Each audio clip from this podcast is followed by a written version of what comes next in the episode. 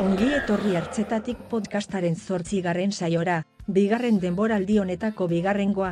Ertzetako soinu eta ausnarketak erdigunera dakarren soinu espazioa da ertzetatik, Mikel Izarrak aurkeztu eta zuzendua. Zortzigarren atala, bakarka. Eneritz Furiak, Martin de Marte, Otoi eta Unairen partaidetzarekin.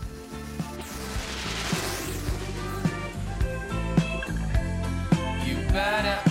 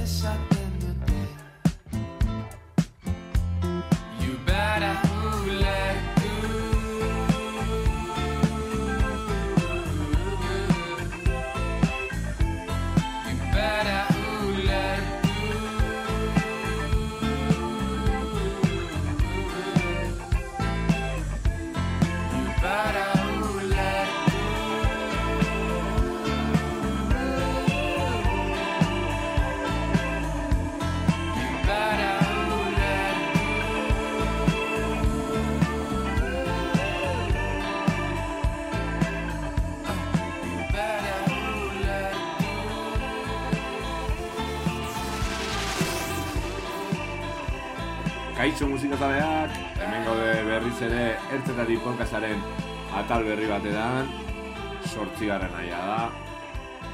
Ba, bueno, pasaren hilabetean, bigarren denboraldiari hasiera eman ginen. Hoi musikari buruzko saio ikaragarriarekin, entzun behar dozue. E, gogoratu hori eta beste pasaren e, denboraldiko saio guztiak, e, hor dituzuela entzuteko e, EITB-ko podcastetan, Spotify, edo, bueno, zure, podcast horri alde guztokoenean, e, ziur au- e, topatuko duzula ertzetatik. Oraingoan, e, zortzigarren saioan, e, e, bueno, bakarlari buruz e, hitz egingo dugu, edo, bueno, musika bakarka egiteari buruz, edo e, musika bakarka egitearen ondorioz, e, zera, zeri aurre, aurre egin behar zaion, ez? Edo e, zerako ausartasuna edo ziurtasuna e- edukin behar den e, norberaren musikan e, zera bakarka defendatzeko edo zerako abilatzia eduki behar den e, taula gainean bakarrik e, musikarekin transmititzeko Bueno, e, zera, zalantza hauek eta beste hausnarketa asko argituko ditugu e, gaurko saioan edo eh, saiatuko gara behintzat betiko lez. E, eta horretarako e, gonbidatu haundiak ipingo ditugu eta oraingoan bakar bakarrik zera bakarlariak haiek azalduko digute zer den eurentzat eta zergaitik aukeratu zuten e, musika bakarrik egitea edo proiektu bati haien izena ematea. Azteko eta entzungo zenutenez, e, Martin de Marte izango dugu, bere rollo onarekin, zarautzetik, bira-biraka dabil, beraz ez galdu. E, jarraitzeko, e, eneriz furdiak izango dugu gomidatu nagusi gisa, zera, e, irunetik, e, i- hirugarren diskoa da, jada aurten kaleratu duena, e, madan. Eta zera folka edo post-folka geroz eta iunagoa egiten du eneritzek, eta berarekin deskubrituko dugu zer den bakarlaria izatea gaur egun. Urtzi iza ekoizlea ere gurekin izango da, urtzi iza handia. Enkorerekin e, ibili zen e, urte askoz eta orain e, proiektu berria dakar, bakarka otoi industriala eta oso oso laindua eta, bueno, e, plazera handia hemen eukitzea. Eta bukatzeko, unai izango dugu, unai abeslari folk e, ilun abeslaria, The Living of a Dying Man bere lehen diskarekin arrakasta lortu du, entzuteari gelditu ezin dugun kantu sakonekin. Ongi etorriak, e, ordoa Martin de Marte. Haupa Mikel, zemuz, egun hona pasatzen aia izela, espero jat. Eza, mucho amor, mucha paz y mucha tranquilidad. Eskerrik asko podcastea invitatzeagatik. Ni Martin Nauk, Martin de Marte proiektua sortu nun 2018 bukaera aldian, ba, musika grabatzeko helburuakin, no? Eta musika hori pop, indie, rock generotan mugitu da pixkat, guain arte. Pixkat esentzi hori hartu du, no? Eta aurrea beira, eh, kanta gre- gehiago grabatzeko asmoakin, baita ere genero berriak esploratzeko asmoakin, eta ikusiko deu. E, nolabait prebizioa da, 2008 birako gauza berriak ateatzen jutia. Nik musika bakarrik sortzen hasteko erabakia duela lau bost urte hartu nun, hola, serio hasteko. Baina, esentzia igual, ba, txikitatik dator, pixkat, no? Ez dakit. Ni goratzen naiz, amabi amair urten eskanean, juten itzala inglesa ikastea partikular batea, eta zeskan e, o, Mac ordenagailuak, sarrak, hola, piston trastuak. Baina hasi txekaten, e, Bandcampa instalatuta, no? Mac guztiak bezala. Ta, osea, Bandcampa, barkatu, GarageBand, GarageBand. Ta, goratzen naiz, inglesa ikasi berrian, horri biltze ginala, GarageBandian, musika egiten. Eta hola, hiltze ginen da, jo, kriston ondo pasatzen nuen hori iten. De hecho, klasia bukatze zanean, hor gatze ginen, ordenagaietan musika egiten. Eta gero, ba, ja unibertsitatea bukatu nunean, ikusi nunean zertzan fabrika baten lan aitia. Esan ba, zinei bete, gauza, nei betetze itena musika sortzea da. Behintzat garai hauetan. Eta orduan hasi nintzen serio, serio hartu nahian, ba, grabatzeko asuntua, no? Ta, aunque ez izan esperto bat, ba, ba, nola betetze iten, ba, oso gustu aitet, no? Ba, gaur egungo individualismoak, bai dazka, obstopuak talde bat sortzeko orduan, ezta? Gaur egun, baita egia da, bakarrik musika egiteko orduan, ba, baliabidea bazkazula.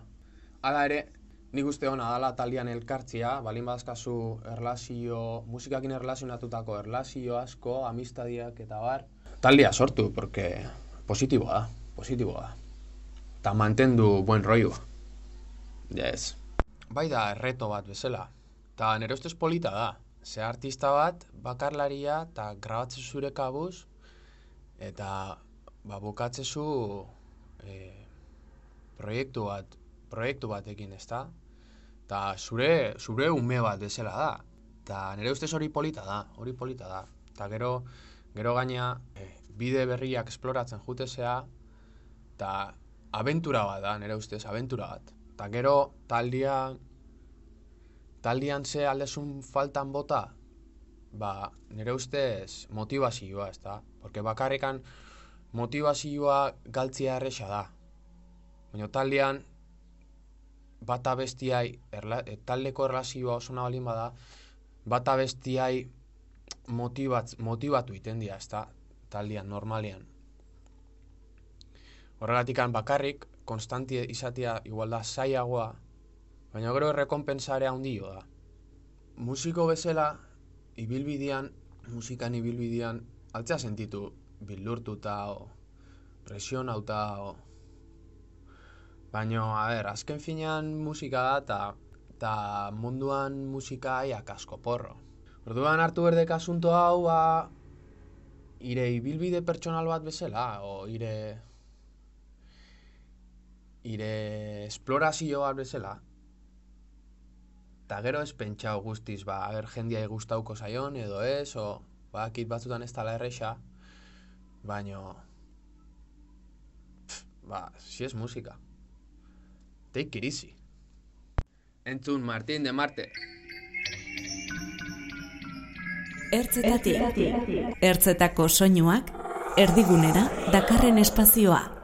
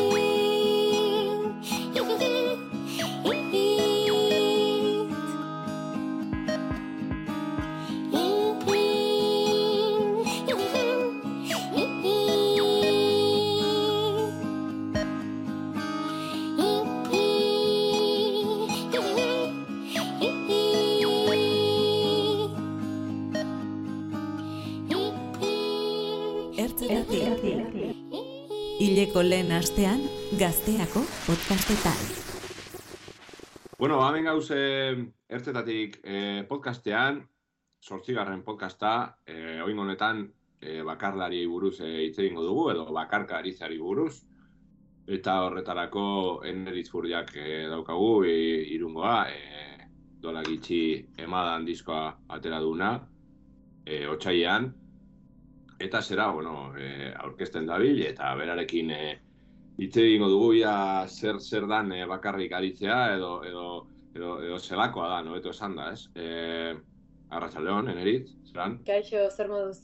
Ondo, ondo. Ondo. Eh, oin, ja eukin dugu mikrokanpoen, zera, Eneritz dueso, Eneritz furriak. Hor ja azten da bakarkaritzaren asuntoa, ja abizena edo horretako propio hartunde da, edo... Igual, Ba- kriston sekretu ateratzen ari naz, eta ez duzu gure, baina. Ez, berez ez, berez eh, ez izen bat da, be- berez eh, pentsatuta zegoena eh, blog baterako, garai batean kontzertu kronikak eta horrelakoak idazten nituen, eta furiak zen blogaren izena, ez nirea, baina mu- musikaren munduan, ba, bueno, jende bat hasi zen furiak deitzen, eta gaur egun, ez dakit maite dudan ala ez izena, baina gustatzen zait abizenetatik eh, eskapu egin izana inkonstienteki bada ere, ze bueno, horrela ez daukat ez da hori, aita, ama, eta, bueno, zer de montre beste zerbait da, hau, ez? Eta, eta bai, izen Bai. artistikoa, baina, baina, bueno, e, misterio handi egiri gabe. Mhm, ondo, ondo, ondo, ba, ni behintzat ez nekien, ez dakit, e, bale, e, zera publiko jakingo du. Baina, perfecto datorkit, e, gaur e, hitz egiten hitz egingo dugunari buruz, ba, ez dakit, e, sarraramoko bat egiteko, ez? E, hor badago ja intentzio bat irteteko e, hori izan nire lehenengo galdera. Zeran hasi zinen musikan eta zeran hasi zinen batez ere bakarka eta eta zergatik, ez? Ba, Bueno, lehenengo ez diot erantzungo zure galderari eta gero erantzungo diot. Ez, esan behar nizun, eh, ez, ez dagoela agian, inte- ez zegoela agian intentzio hori, baina egia da, eh, bueno, laguntzen dizula fikzionatzen edo pertsonaia bat sortzen dena eh, zure pertsonatik eta zure bizitza pertsonaletik kanpo. Naiz eta biak nahasten diren eta gehiago gaur egungo e, bueno, e, ba ez dakit sareekin eta ez dakit mm, dena delakoarekin manastu egiten dira musikaren mundua eta pertsonala eta bar. Baina berez, e, bakarka, bueno, nik osa- esango nuke bakarka denok hasten garela, ez? E, izan ikasten ari zarelako eta praktikatu behar duzulako etxean zu bakarrik tarte batzuetan, edo dena delakoagatik.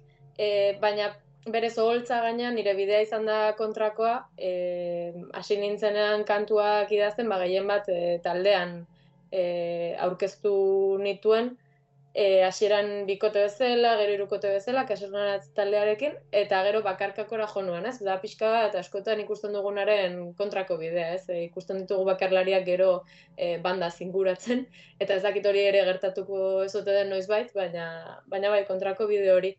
Eta, ba bueno, ez dakit, e, nolabait badirudi eraman dudala agian e, etxeko bakarkako praktika hori hain intimoa izan daitekena holtza gainera, ez?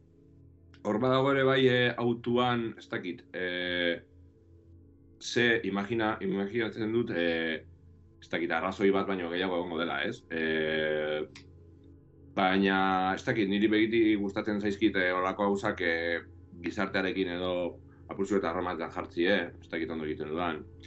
Baina, ez da, nik azken aldian ikusi, bai ikusi izan dut taldeetan eta, ba, jende irtetzen dela edo bakarka hasten dela gauzak egiten, igual akaso talde batek daukan impedimendu edo zer dakinik edo elkartzeko eta orain pandemiarekin ere horako zera bat egon da, ez? E, bazegoen hor horako intentzio bat edo besterik, besterik gabe nire gauzak eh, nire erara jorratzekoa.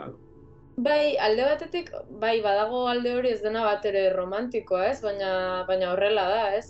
Euskal Herrian, e, bueno, ego Euskal Herrian batez ere, e, musikariek, ba, bizibide bat musikatik ateratzeko zailtasun handia dituzte, orduan jendeak e, bere lanpostuak eta dena delakoak ditu, e, hau da, bere ogibidea dauka, bere musikako jardunaz gain askotan, edo normalean, eta bueno, horrek implikatzen du, ba, jende gehienarentzat ez izatea lehentasun bat, ez? E, edo lehentasuna izatea nahi duzu eta ezin duzu, edo zuzenean, e, ba, bueno, sufrimendu horretan ez bizitzeko, eta ulertzen dut, erabakitzen duzu izatea e, bigarren mailako gauza bat, ez? Eta ni, bueno, agian alderdi horretatik nahiko suizida izan naiz beti, eta auki ditut aukerak, ba, lanpostu normal bat eukitzeko, eta bizitza normalago bat, eta autua izan da beste bat, ez? E, ba, ba, bai, egiten ditut lanak e, musikatik kanpo, baina musika izan da lehentasuna, eta zoritxarrez, ba hori, ez da zerbait mm, superpolita kontatzeko, baina arrazoi praktiko hori zegoen atzean, ez? E, nahi nuela askatasun handia auki erabakitzeko noiz nahi nuen zer egin besteen e, ba, egutegi eta beharretara moldatu gabe. Mm, galtzen dugu gauza bat oso interesgarria eta da elkartruke hori, ez? E, gertatu zitekeen agian beste realitate batean. Mm, mm. Baina ausardia bat behar da, ez? Eta ziur, ez da ziurtasun bat, ez? Honek balio du, ez du balio. E, ni izango naiz honen defendatzaile, ez? Dakit zelan esan.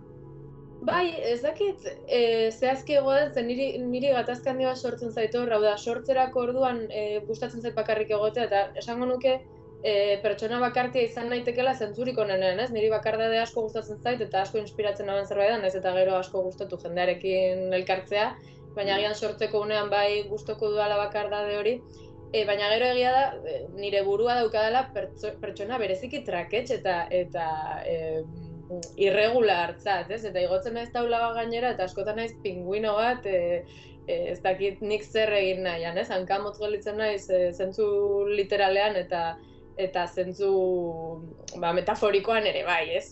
E, orduan gatazka hori dago, ez? E, gozamenaren eta sufrimenduaren artekoa. Baina, bueno, esan, gero ere ikusten dituzu taldeak, ba, agian erronka bat jartzen diotenean bere buruari ere bai, gozamen eta sufrimenduaren arteko zera horretan, ez? Baina oholtza pixka bat hori da, gauza da kantuak sortzea eta beste bat eh, oholtza gainean jotzea nik Mm. bereizten ditut, biak bizi ditut, e, baina oholtzak sufri arazten dit asko, e, pinguino bat naizelako nik ezakit zer egiten. Eh, eta bakarrik, kanera, claro, bai, bai.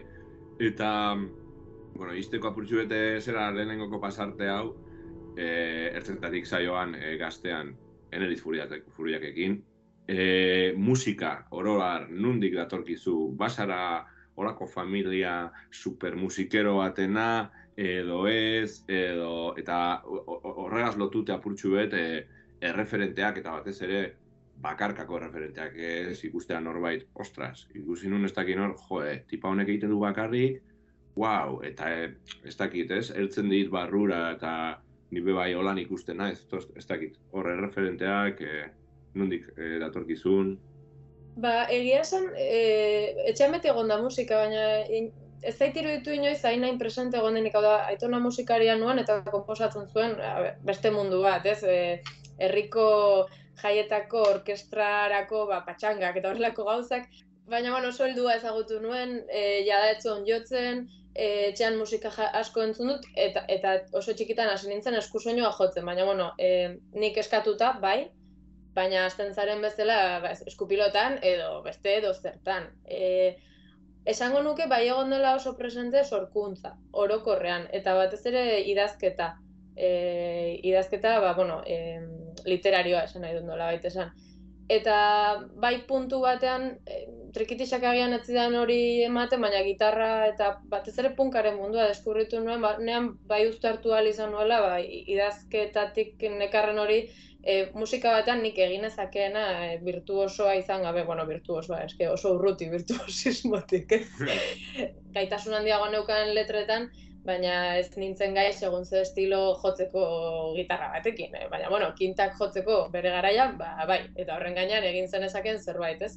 Eta hori, etxean, ba, bai egonda zerbait musikala, baina ez horren beste. Bi- Bitxikeria bezala esan behar dut, aitonak ere lan egin zuela em, Donostian zegoen e, vinilo imprenta batean esango nuke, baina orain ez dut izena gogoratuko, baina bueno, frikientzat hor dago, anekdot, kontratua gordeta daukagu. Baina hori, ez dakit, bai eta ez.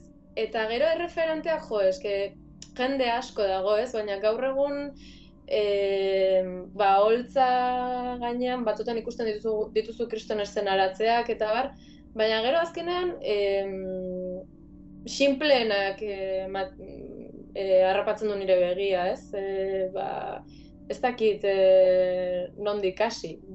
Baina, bueno, e, az, e, beste au- aurreko batean adibidez ikusten nuen sare sozialetan jendea galdezkaea, entzuten zuten musika emakume konposatua, da nik konturatu nintzen, entzuten dudan gehiena gaur egun, e, bat, batez ere gaur egungo musika, bai dela, bai daudela horretan emakume pila bat, eta mm, jo, badago hori ez, e, batez ere sentitzen naiz identifikatu, ni bezala sortzetik oholtzarainoko bide guztia egiten duen e, jende horrekin. Baina, bueno, e, ez dakit, e, barkatu ez botatzea bat, hotzen bazaitzera botako dizut. Bueno, nik jarriko dizut orduen lehenengoko abestia. Ola Salvador de hor gainera dela adibide ona, ez? Talde batetik datorrena eta bapatien atera deu bere gainera gauza oso barruko bat, ez? Ez dakit zelan Bai, esan eta horrek ere interesantea oka niretzat, ez? Zelako papela egiten duzu talde baten barruan eta gero ukitzea usardia hori edo ez dakit edo edo barne mundu hori edo esateko gura hori e, ba hori, ba zuk bakarrik saiatzeko, ez? Gauzak E, egiten. egia esan, olatzena niretzat oso adibide ona da justu esan dudanarekiko, ez? Ez da su artifizialak botatzen dituzten niko holtza gaina, baina Ja. unkitzen zaitu. Unkitzen zaitu eta heltzen da, eta ez du beste zer behar. Mm. Ba, bueno, igual ordoa ahots. Rosalenekin. Ertzetatik.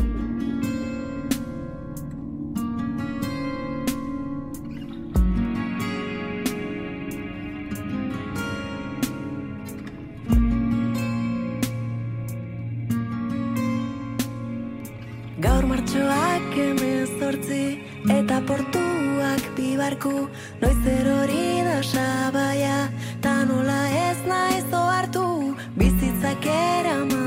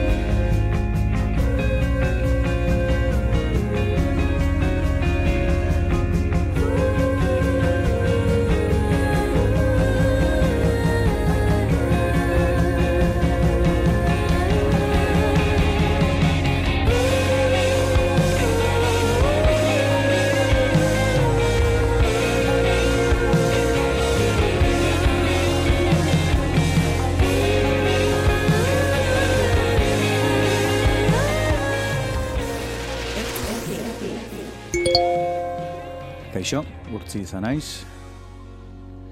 Musikari edo, bueno, musikagile e, bilbotarra.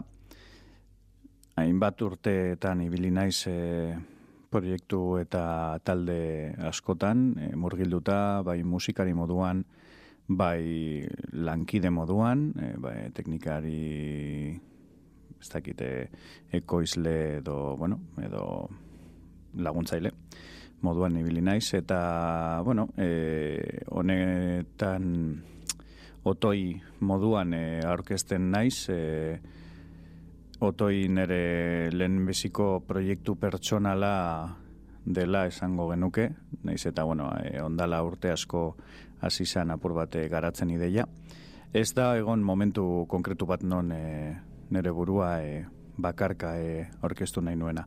Erabaki hori ez nuen e, konstientekin jo sartu e, garatzen joan dan ideia izan da. Beste taldeetan aritzen zarenean, ez, beste taldekidegaz aritzen zarenean, nola baiteko e, mugak edo limite batzuk e, sortzen dira.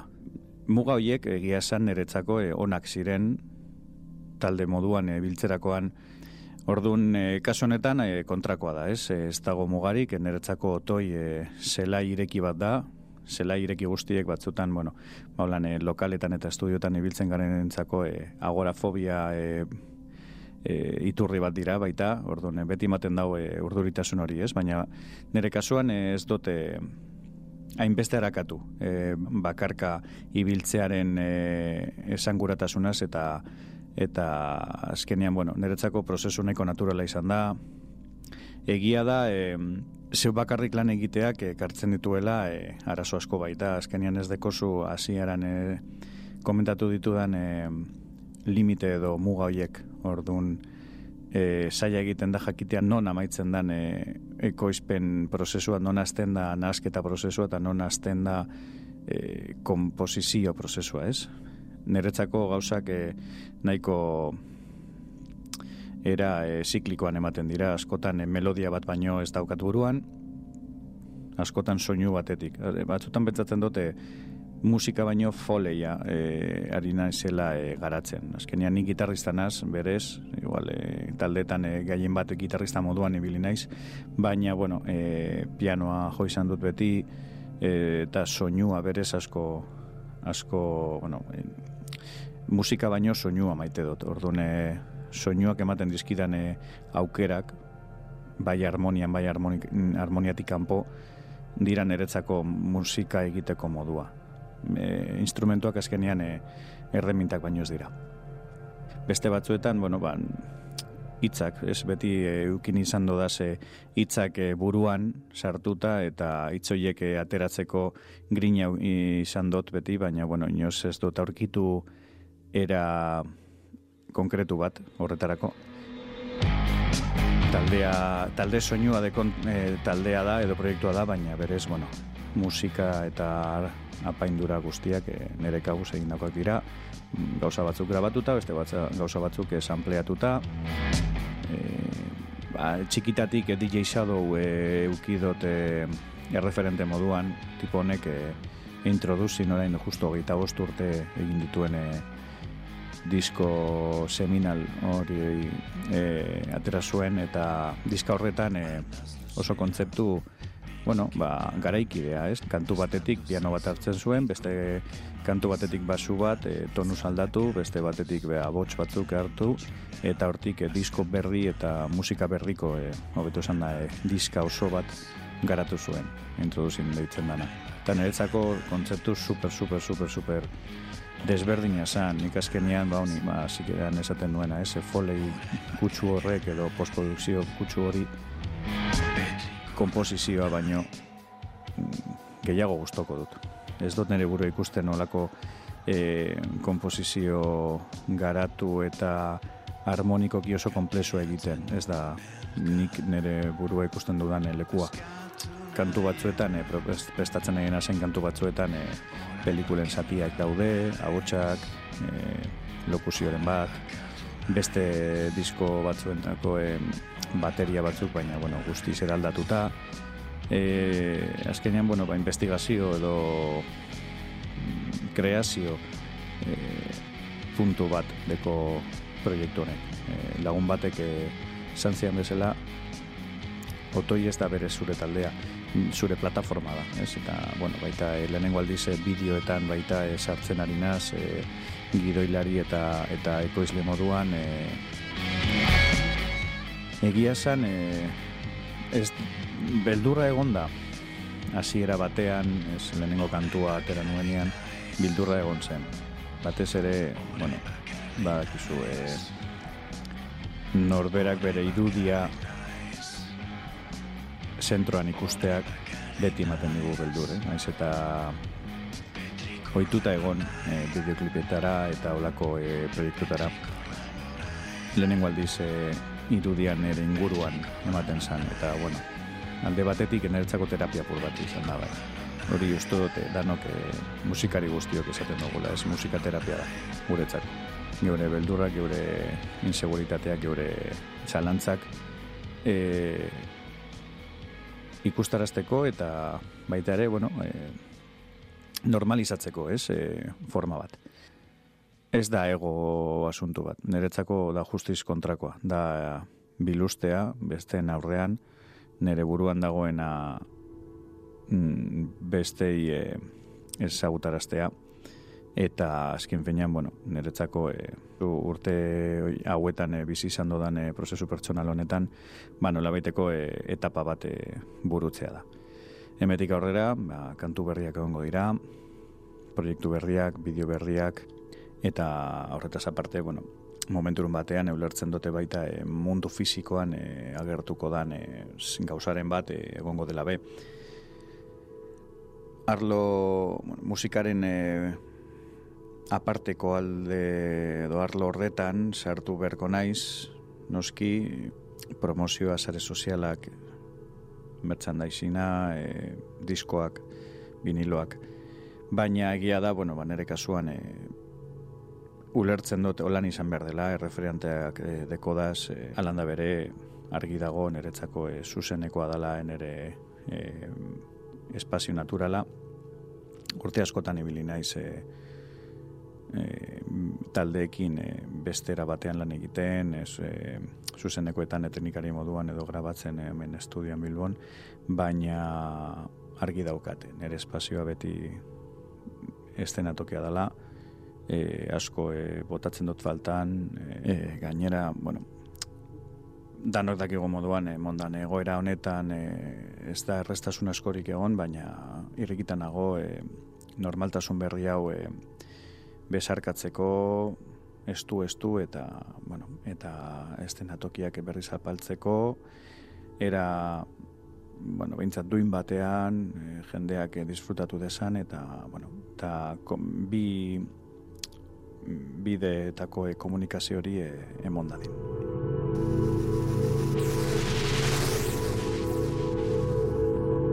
Ertzetatik entzuten ari zara.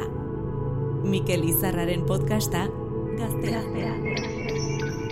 Bueltan gaude eneritz burjakekin, ertetatik saioan, e, zera, e, musika bakarka e, egiteko saio honetan edo, eta, bueno, hitz egiten egon gara, nondik datorkion e, eneritzi, ba hori, ba, bakarka aritzeko, zera, e, e, gogo hori edo, e, eta orain e, galdetu nahi nizun, gainera, egon garela berbetan idazlei buruz, eta, bai, bueno, idazteko zerari buruz, eta e, prozesuari buruz e, galdetu nahi nizun, ez? E, bai, kon, bueno, prozesu orokorrean, e, konposaketa, baina entxaku entxeiuak, edo produkzioa, ez? E, base, noski, mm, talde batez izateak, bebai badakarrena da, produkzio lan potente bat, ez? Edo produktorarekin jakitea zer nahi duzun, ez, esaten zer nahi duzun, edo, ez? Olako erlazio estua, ez?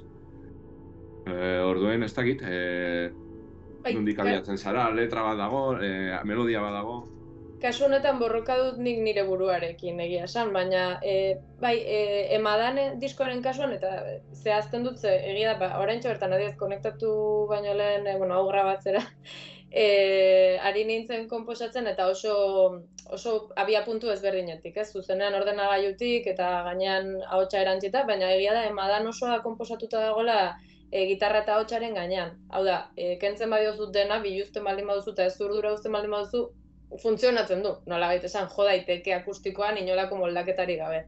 E, baina, bueno, egia esan, kasu honetan, e, bidea intuitiboa izan da gero ba, daukan dituen e, ba, produkzio autu horiek eta ba, kasu askotan elektronika autuak edo edo zaratak e, izan dira intuitiboak, ez? E, junaiz, e, ba, bueno, banituen hainbat grabazio ba, e, kalean, bueno, kale, kalean ez, zegia da soinu asko agian konfinamendu garaikoak izango zirela, ez nago erabat ziur. eta agian lehioetik grabatuak dira eta horrelako kontuak. Baina, bueno, gero em, gainerako produkzio guztia e, oso modu intuitiboan egin nuen, e, ba, ez dakit, aste bakarrean, eta beti kontatzen dut txorakeri berdina, ez? Ba, faro zaina bezala hor argia piztuta gauetan, eta eta jarraitu, eta goze ziltzen bazara, ba, jarraitu, ere bai. Eta horrela sortuta dago, ez dago hainbesteko e, ba ez dakit, aurrez pentsatutako autu hori, ez? Eta, bueno, kasu honetan e, konposatzailea eta produktorea ni naiz, baina norbait ondoan eukiko banu, ba, agian disko hau etzen aterako, ze e, ez dira izan autu hain konstienteak nola baita esan. sentitzen duzu noiz behinka, hori, e, ez dakit, falta hori, edo feedback, edo badukazu norbait hor, e, rollo hona daukazuna, eta venga, bidaliko dizut hau, mesedez esan zeu zer, porque nago galduta, edo zaizu gertatzen.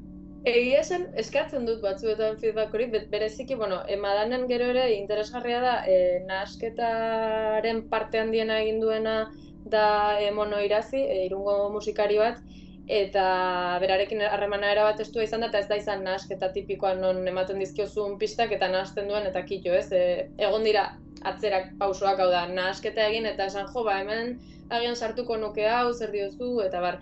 E, ala ere feedbackarekin ere badut, e, kontu bat, eta esango nuke musikari bakarlari askori gertatuko zaiela, ez? Eskatzen duzula jomendioa, eta gero ez dakizula jendea e, zintzoa izaten ari den, edo ez. Orduan behar duzu norbait batzuetan e, ostiko bat emango dizuna, baina ere eduki behar duzu animoa prest ostiko bat jasotzeko, ez? Agian zuri gustatzen zaizu nola dagoen, gutxi gora bera, eta esate dizu, e, eman behar diozu buelta bat honi, ari eta besteari. E, eta agian gehiegi da, ez, ez zaude prest hori jasotzeko. Baina, bueno, hor dago ere guzti honen borroka, ez, noraino den em, zintzoa e, zugandik ateratzen den hori, eta noraino den e, landu nahi duzula entzulearentzat ere zintzoa izan dadin. E, ba, bi mundu Mhm. horiek, e, bi, bi munduren arteko borroka txiki bat da, ez? Mhm. Hortik zetozen horrengo, ni- ni- nituen horrengo galderak, alde batetik, e, zuk bakarrik egiteari aurre horri, mm, ez dakit zelan esan, lehen esan dut ego hitza, eta ez dakit bate gustatzen, baina... Ego Baina hor dago, hor eh? dago. Claro, eske hori, eske azken finean, gauza da, ni basua jo dezaket rock and roll talde baten, eta zuri talde hau, ba, mierda bat iruditzen bat zaizu, ba, bosta sola, ez? Eta, bueno, bakarlearia ba naiz, be bai, ez? Baina, eh, zona dut, ostras, nik bakarrik nire ba, etxeko bakardadean egin dudan konposaketa niretzat hau ez dakit asko da niretzat, edo ez dakit zelan esan. Eta horri aurre egitea, ostras, horrek porrote egitea, e, ez dakit, e, zelan aurre egite diozu horri, edo, ez. Bai, bueno, ez da, egunaren arabera, onartu behar dizut, batzuetan oso zaila da eta beste batzutan ez. Egia da, e, interesgarria irudit- nik esate baterako oso gaizki bizitzen dut e, disko zarrekiko harremana. E, jartzen diazu nire lehen diskoa eta sufritzen dut entzuten. Eta ez du zertan horrela izan, ez? Azkenan beste, gaina, grazioso iruditzen zait, esate baterako. E, badut diskurtso bat, e, oso sanoa, baina agian ez doak idalako bizia horretan, ez? Baina txantxetan lagun artean beti ba, tatuaiekin eta ez? Eta jo, eta ez zara da mutzen da, bai, baina berdin zait. Hor daude, beste garai bateko gauza bada, ez? E, Hemezortzi urte nituen lan egin duen hau, eta gustat, gustatzen zitzaidan eta orain, ez? Baina ez, e- ez nau lotxarazten edo, eta kantuekin aldiz bai, badago gatazka hori.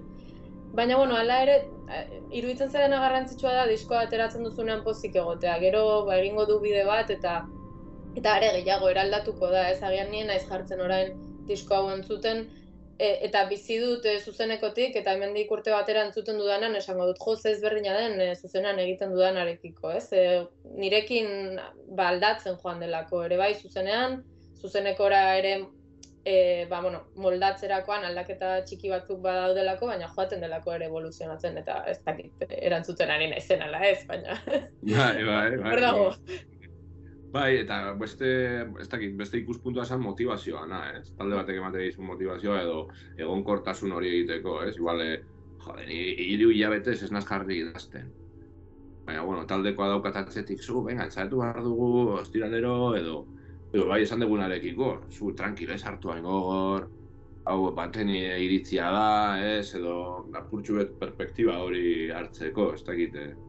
Bai, azkenan oreka oso zaila da, baina, bueno, ere taldeetan ibiltzaren esperientziatik talde bakoitza ere oso ezberdina da. Eta egia esan beti ere interesgarria, bueno, behintzat nire esperientzian bai izan da interesgarria ere partekatu dudala normalean e, taldea, ez naiz ari ikasernarat ez naita ez, eh? ba, bueno, lehenago ibili naizen taldeetan, eta bar, normalean jende batekin agian, em, ba ez dakit nola esan, esperientzia txikiagoa daukana, edo ez nahitan ez txikiagoa, baizik, bueno, asko zentratzen da bere instrumentuan, eta ez beste alderdietan, eta gero jende bat tiratzeko gai dena, ez? Baina, bueno, e, lagun edo bikote harremanetan bezala, ba, oreka bilatzearen kontua da, eta norbere buruarekin, ba, oreka ez dakit oso ondo non dagoen batzuetan, baina, bueno, ere Ba ez dakit, bizitzan beste dozen gauza bezala, ez? E, euki behar duzula agian elkarrizketa, euki behar dituzu elkarrizketa zintzoak zure buruarekin, eta esan, bueno, ba, batzuetan utzi behar diot nire buruari atxeden hartzen, eta beste batzutan behartu behar dut, ez? E, Mhm. ba, ez, e, ba, nagikeria horretan erortzera, edo, edo erosokerian, edo dena delakoa. Mhm, mhm. Hemen ditute apuntatuta bai, bueno, eh, konposaketari dagokionez, ba, e, letraien asuntoa, lehen apurtxuet gainetik egin duguna, eta instrumentazioana, eta anari jarri nahi nizun, Super. eta honen arira, eta honen arira, ba, nahi dute letrei buruz hitz egin, baina gainera zu letrak oso ez dakite kriptikoak dira, edo nire, nire ustez gero eta iunagoak. E, baina baita ere, e, zera, kantautoren aro hori, edo ez dakit zena esan, gitarrita eta kanteu, igual amaitzen doana, e, ez dakit, e, e, instrumentazioari dagokionez, eta ireki dala mundu bat elektronikarekin, ez dakit, Maria Arnal aipatuko dut, edo Mhm. e, horri buruz, ja. Bai, es, bueno, niretzat, niretzat bai hil dela dagoeneko hori, ez? Eta e, autokritika eginda nolabait, e, ba batzuk harrapatu gintuen olatu horrek eta eta gustatu zitzaigun eta agian horra hasi ginen, ez? Ez daukatera bat garbi, baina bai bai egin izan dudala, galdetu izan dudala nire buruari, jo, horregatik izan zen, moda batengatik izan zen. Baina, Mhm. bueno, gero interesgarria izan da niretzat behintzat esate baterako akustika bat kombinatzea normalean eh, arekin ezkontzen ez diren soinu batzuekin, ez? Eta oso eremu, bueno, batzuetan oso eh, ba, aurre ikusgarria izan daiteken zerbait, piano bat, baina beste batzuetan ba, zarataren munduan sartzen naiz, eh, noisa ari naiz, eh, bueno, entzule gehiago ulertzeko ez zarata, bueno, hori, Bai, zarata. naiz eta bestela. E, ba hori ez, horraino eramatea. Baina, bueno, e, bai, eta elektronika ba, ba, beti egon da hor azkenean, eta nolabait, badirudi poparen eta rockaren munduan aritu garen askori, e, ba, albotik pasatu zaigu lau arkabean, eta batean e, gehiago, agian de gehiago demokratizatu da, osea, nik esan, esango nuke beti izan dela oso demokratikoa elektronika, ez, eta eta neurri handi batean oso undergrounda, ez, ez bagoaz e, soinu oso komertzialetara. Mm, baina, bueno, ere, adibidez Euskal Herrian esango nuke, ba, metalarekin eta gertatu zen bezala, egon dela mespretxu bat eta estigmatizazio bat elektronikarekiko Eta zorionez, azken urteetan, e, edozein estilo egin dezakezu, agian batez ere e, ba, atzerrikoa edo ez dakiz zertakoa estigmatizazio hori gabe. Nahiko zera, ba, bueno, e, ez dakit deigarria da, ez? E, garaiaren arabera Euskal Herrian zegertatu den estilo batzuekin. Mhm, mhm, Total. Eta letraren mundua, irekiko dugu meloi hori, ba, ze, uste dute badaukagula beste podcast bat, hor, eh? Ziurrenik, ziurrenik. bai, bai, bai. Zer, horre referenteak zer deko zuz, eh, gehiago literarioak, musikalak, Ba, leku askotatik edaten dut. E, bon, bira, orain, e, bueno, e, anari ere bide da, eta hor da ere Mariskal Lisabon esate baterako, e, ziurrenik horretatik ere oharkabean asko dango nuen. Baina, bueno, gero, e, bitxia da, baina ez da bakarrik agian elikatzen idazle, hau da, idazle izan musikarako ala ez, eh? E, idazleetatik, baizik agian ere bai, ba beste edozein artetatik, ez? Zinema, e, irudi bat, e, Eta bueno, hor beti jolas bat dago, agian e, erreferentzia, erreferentzia hutsetatik egongo direla horratzean, eh? denak eragiten digu eta baina bueno, erreferentzietatik eta baino, ba, jolasetik, ez, esperimentaziotik, e, ba ez dakit nola esan, soinuan asko esperimentatzen duen jendeak ez daukan bezala gogoan, e, ba ez dakit nork zer egiten zuen, baizik ditu lau tresna eta horrekin egin dezakeena egin dezake, ez? Eta ba hizkuntza azkenan ba, beste sintetizadore bat da, ez? Eta ematen dizkizu hainbat aukera arekin jolasteko edo apurtzeko. Mhm, mhm. Hori ere neukan apuntatuta eta ez dakit, ez naiz izango bakarra esaten duena zure musikari buruz, ez? E, letrak nahiko sonoroak direla edo ez dakit zelan esan, ez? E, horre badago, badago egiteko era bat edo edo ez dakit. Bai, badago, bueno, e, da, ba- badago kontu bat eta da alde batetik e, bai dagoela bilaketa estetikoa letretan e, esan nahitik arago. E, hau da, ondo gelditzea hitzak hitzekin. Ez da, ondo gelditzea edo gaizki, baina bueno, e, ukitzea zentzu estetiko bat, ez?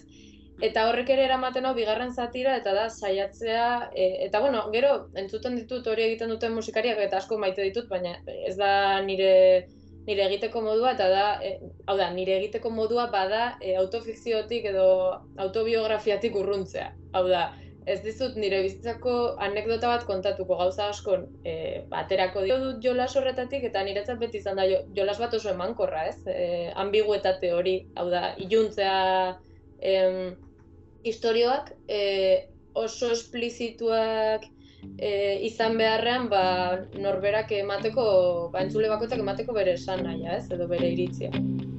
Bueno, ba, ordoa, nari.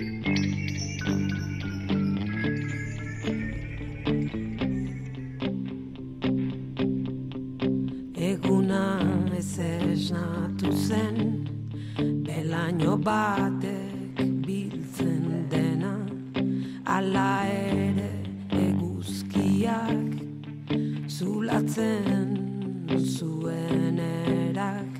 Beste egun sarkori bat Ira gartzen zuen. Horrez gain arratxean Egoak gogor joko mentzuen. Kotxean sartu eta jo zuen mendialdera Basoaren ertz banatan Zutiki bapizera Etxera bueltatu eta iluntzea Eldu arte itxaron Sirena hotxa entzutean leiotik luze begira zuk ulertzen duzu zeure burua ikusten duzu. Basoa maite duzuneran sua ere maite duzu. Denborak egin duen basoa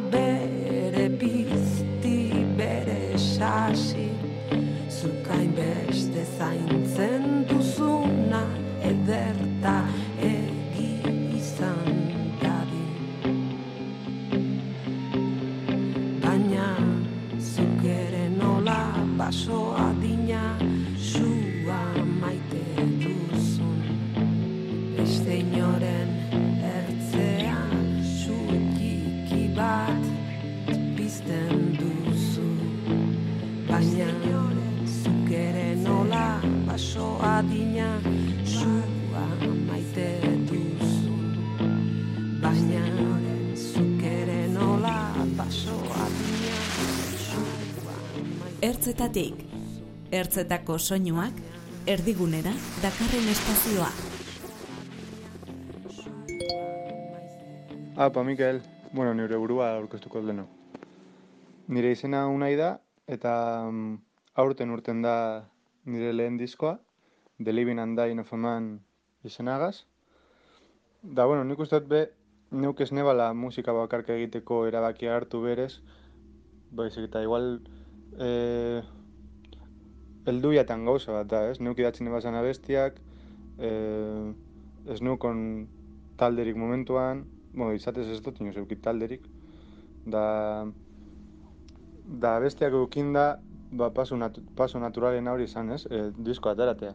Da, bakarka izatearen kondizio hori, ba, neuk bakarrik idatzen ebazalako abestiak edo izango zan, ez? Ez dago lango beste e, individualismoaren aldetik doan zeuser edo, holan tokadan zeuser da, batez be. Gero holanda be, neu be zuzenekoan adibidez, taldeagaz banauan ez, lehenengo partean edo zuzeneko lehenengo zatian, ne urteten az bakarrik, da, da adibidez publikoari mote hotxet, ba hori, e, diskoak dekon bakardadaren edo e, ar, bakarkako artistaren parte hori, da gero taldeagaz beragaz bai egiten dugu amaierako partea. Orduen, zuzenekoan bi zati horrek egonda, ez dakit dauen ekilibrio moduko bat, non neu oso gustora nauen. Ze biek usteta jataz asko. Da, adibidez bakarrik egiten dute, egin izen dodanean e, kontzertu bat, igual ez, ez da luzegia egiten, ze, saiatzen az dinamiko egiten, bai, ba, azkenean bakotxak bekoz bere trukoak, ez? Bai, e, em, zelan erdian, erditik aldan separatu kontzertua, non hasiera baten neun hau bakarrik da gero bandagaz, uste dut horbe badauela ez dakit kontzertua kontsumitzeko edo hori da egokiena, baina bueno, kontzertua ikusteko modu ezberdin bat, ez? Non bakarkako parte hori dekozun da gero taldea gazbe bai. Da neuk horrek biek osatzen dut espia bat. Da, mm, gero adibidez, e, komposaketaren aldetik, neuk beti izan, osea, beti idatzi izan dutez neure abestiak neuk bakarrik. De hecho, osea, izatez, hau izen da kaleratu zen lehenengo abestiak, bai, e, bueno, batez be, iruditu izan jatalako honek ezea lan hain txarrak ez, aurrekoak bezain txarrak, da horregatik ka- kaleratu izan dutez. Bai, e, oin dala asko ibili naz neuk abestiak idazten da, komposatzen da, da holan ez dakit, gustatzen jatan zeu zer da. Orduen eh, ez dekot bandaren behar hori, mm, gero nire beha simpletasuna asko gustetan jat, da orduen elementu gitxigaz nuk badekot zeu zer, ja, nuk ez, ez dut behar lango produzio handi bat, ez? Orduan alde horretatik gauza positiboak ikuste dut edaz batez be. Naiz eta gero bandaren behar hori badauen hor, da oin eurekaz nauela zuzenekoetan, jo, ba, nabaritzen da badauela soinuaren aldetik badauela beste ez beste tratara bat ez, edo beste ez dakit zelan esan. Baina, bueno, komposaketan al- aldetik eh, neuri da gehien guztetan jatena, osea, besteak komposatzea. Orduen bakarka ibiltea horretan ez dago arazio. Gero be prozesuan e, eneko gaz batzen hazenean eko da e, produktorea negaz ibili dana, da taldean da be bai, igual gero prozesuan beran estudioan edo dana dalakoan, ba, aldatu egiten da, da igual erabaki danak ez direz nireak, da horrek be azkenan freskotasuna mote hotze e, abestiari edo diskoari, ze zeudeko zu ideia bat, eta hor zauz beti hasieratik gure oso hauela egin olan, da ez dozu aldatzen, da ez dozu esara bide horretatik urteten, da azkenan igual behar dozu non hor esateko bitu, eta segatik ez dugu ingo lan beste modu baten, da azkenan aukera gehiago, ez? Da azkenan hori ez da komposaketa fasea, baina bueno, produkzio fasean badekot laguntza, ez? Da beste aire fresko bat edo. Así que eskerrik asko, Mikel. Agur. Ertzetatik entzuten ari zara. Mikel Izarraren podcasta Gaztea. Bueno, azken txapan gaude, eh, eneritzekin, eh, hemen eh, ertetatik podcastean, eta bueno, bukatzeko, bai, galdetu nahi dizut, eh, zelako etorkizun plana deko zuzen, eta baina apur bat izteko zirkulu hau, ez dakit eh, irudi bat egin dugun bakarlarien bizitza zelakoa dan, ez dakit, ez dut uste, ez dut uste, baina behintzat direkiko genduna eh, atie. Eh, zuzenekotik pasa behar gara, lehen esan duzuzuk, ba, pinguino baten moduen sentitzen zarela, eta baina horre, bai, baina horre zera gauz asko daude, ez, e, egiteko. Horrekin lotuta, ba, kudeak eta hori guztia, ez? Produkzio kudeak eta edabideekin, nirekin e, irratian egoteko kudeak eta, zuzenezkoen kudeak eta, Ba, hori bakarrik egitea, E, egin izan dut, eta joan naiz agian urte askotan oso, hau da, do it yourself e, super orto, e, ortodoxoan, ez? Eta, eta hartu gitarra bat eta joan zu bakarrik, e, ba, ez dakit noraino, eta, eta baina, bueno, gero ez zaude inoiz bakarrik, ze hor dago publikoa, hor dago antolatzailea, hor dago dena delakoa. Egia da, e, as, ala ere normalean, eta orain nire egoera gehiago da bakarlariaren irudia da, bakarrik igotzen zarelako holtzara, baina ni teknikariarekin noa beti, e, bet, bai, diskonekin egin ditugun kontzertu guztietatik, batean ezin izan zen etorri, eta egin genuen esperimentua eta ondo atera zen, baina gaizki atera zitekeen.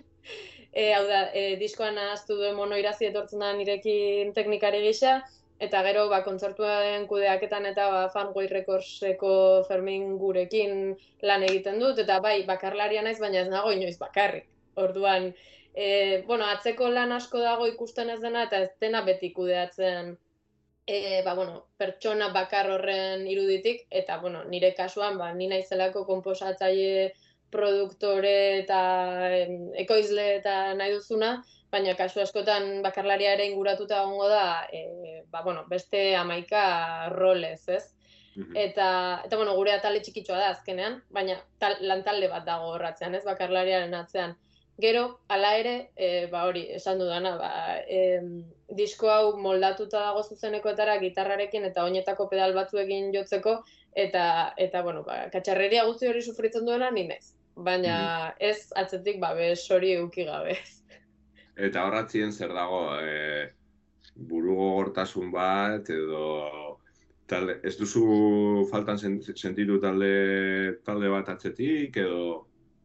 Gehien bat, eh, esango nuke baietz, batez ere disko honetan, eh, hasieran eh, borroka nahiko latza izan nuela, eh, zuzenekoetan eh, kaos guzti hori kontrolatzeko, ez? Eta gaur egun esango nuke kontrolatzen dudala, eta bueno, gozatzera ere heltzen naizela, baina bueno, ez dut erabat baztertzen bat taldekideak izatea, e, eta ere bai, e, bueno, sinpli, simplifikatzea, e, non, zenbaterako erantzukizuna hartzen duzun, ez? Azkenean zu, bueno, badago jendea, e, urteak eta urtea daramatzana musikan, eta e, beretzat e, lehentasuna da kontzentrazio totala, eta berdintzait begiak altxatzen ez baditut ere, baina nire adibidez inporta zait jendearekin, bueno, transmititzea ez nagoela bakarrik pentsatzen eta gero sol, ez dakit nola esan, eta, edo eta gero ez dakit zer hitz.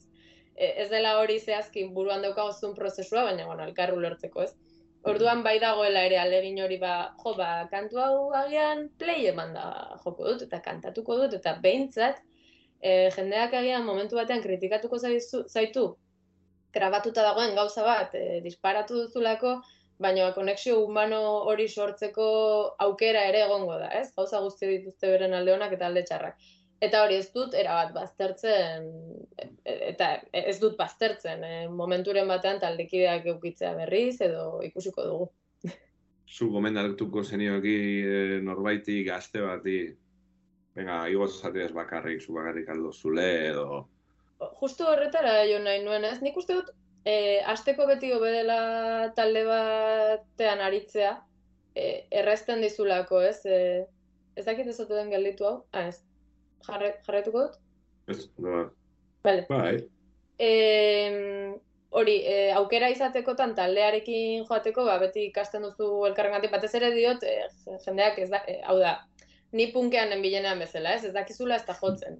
Ba, bueno, laguntzen diozu elkarri, eta, bueno, ba, sol mayor horrela jotzen da, ez dakigula ez da zer den sol mayor, baina aurrera, eta, eta, bueno, elkarri laguntzen diogu gauzak erosi behar baldin badira, edo uzten dizkigu elkarri trasteak, baina, bueno, ez badago beste aukerarik nik beti esan izan dut, ba, zergatik ez alegin du, hau da, ezagutut jendea gero goltzara igo dena eta ez duena berriz igo nahi izan, ban ze, ze infernu klase da hori. Baina badu zerbait engantzatzen duena, ez? Eta batzutan da simplifikatzea, ba, ezin badituzu jo amaika punteo eta gainera kantatu superondo eta transmititu historio bat, ba, simplifikatu. Transmititu historioa, jo lau akorde eta, eta kantatu zerbait erresagoa, eta gero ikusiko dugu, ez? Eta askotan, e, bueno, holtza gainean urte asko era- eraman arren, mm, egin behar izaten duzu hausnarketa hori ez, zertan nahi naiz, e, bakarrik nahi naiz sufritzen ez.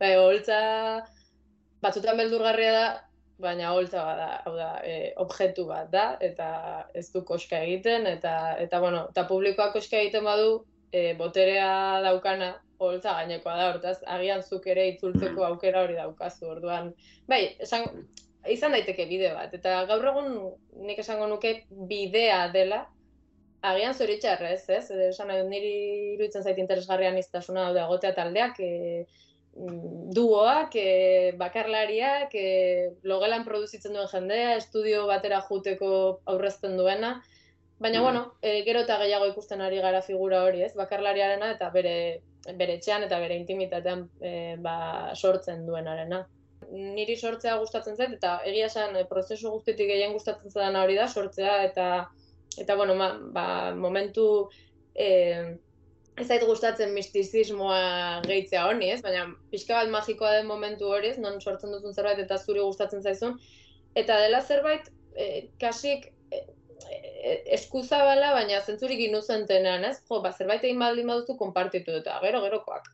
Eh, besterik gabe. Ez dela ez, ez dela asmo askoz ere handiagotik sortzen gero, ba, batzuetan e, sortzen dira ba, ez dakit, e, konexio handiagoak eta denak zentzu gehiago hartzen du, ez? Baina nire kasuan behintzat zerbait inuzentea da hasieran behintzat da, zerbait egin dut, e, ez dut jarraituko lantzen, hemen bukatuta dago, eta badago konpartitzeko nahi bat, mm, besterik gabe.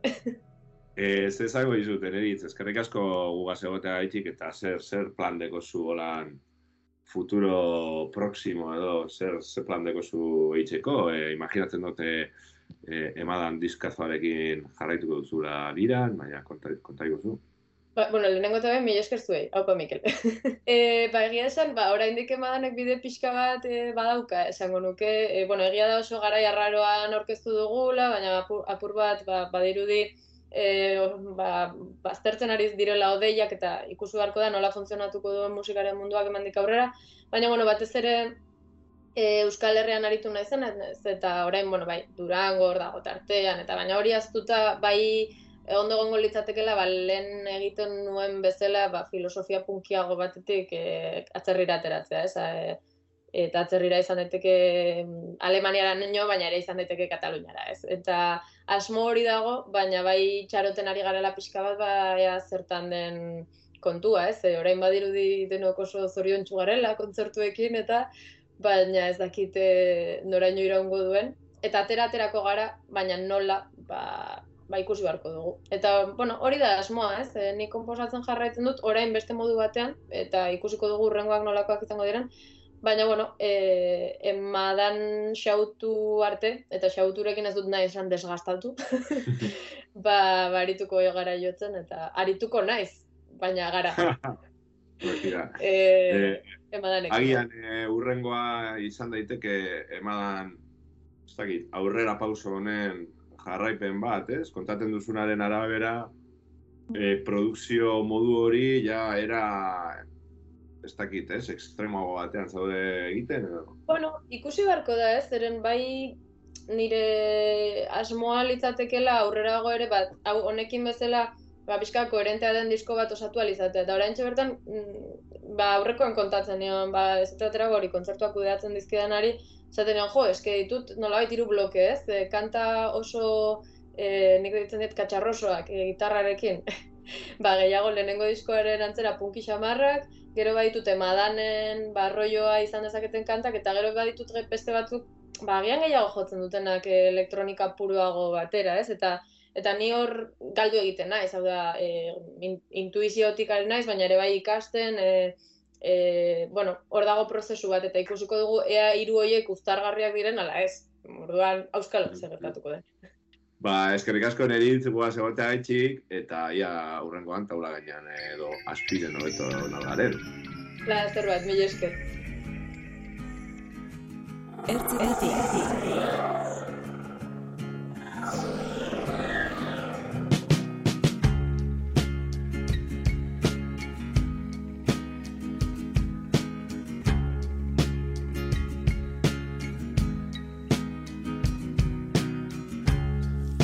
See the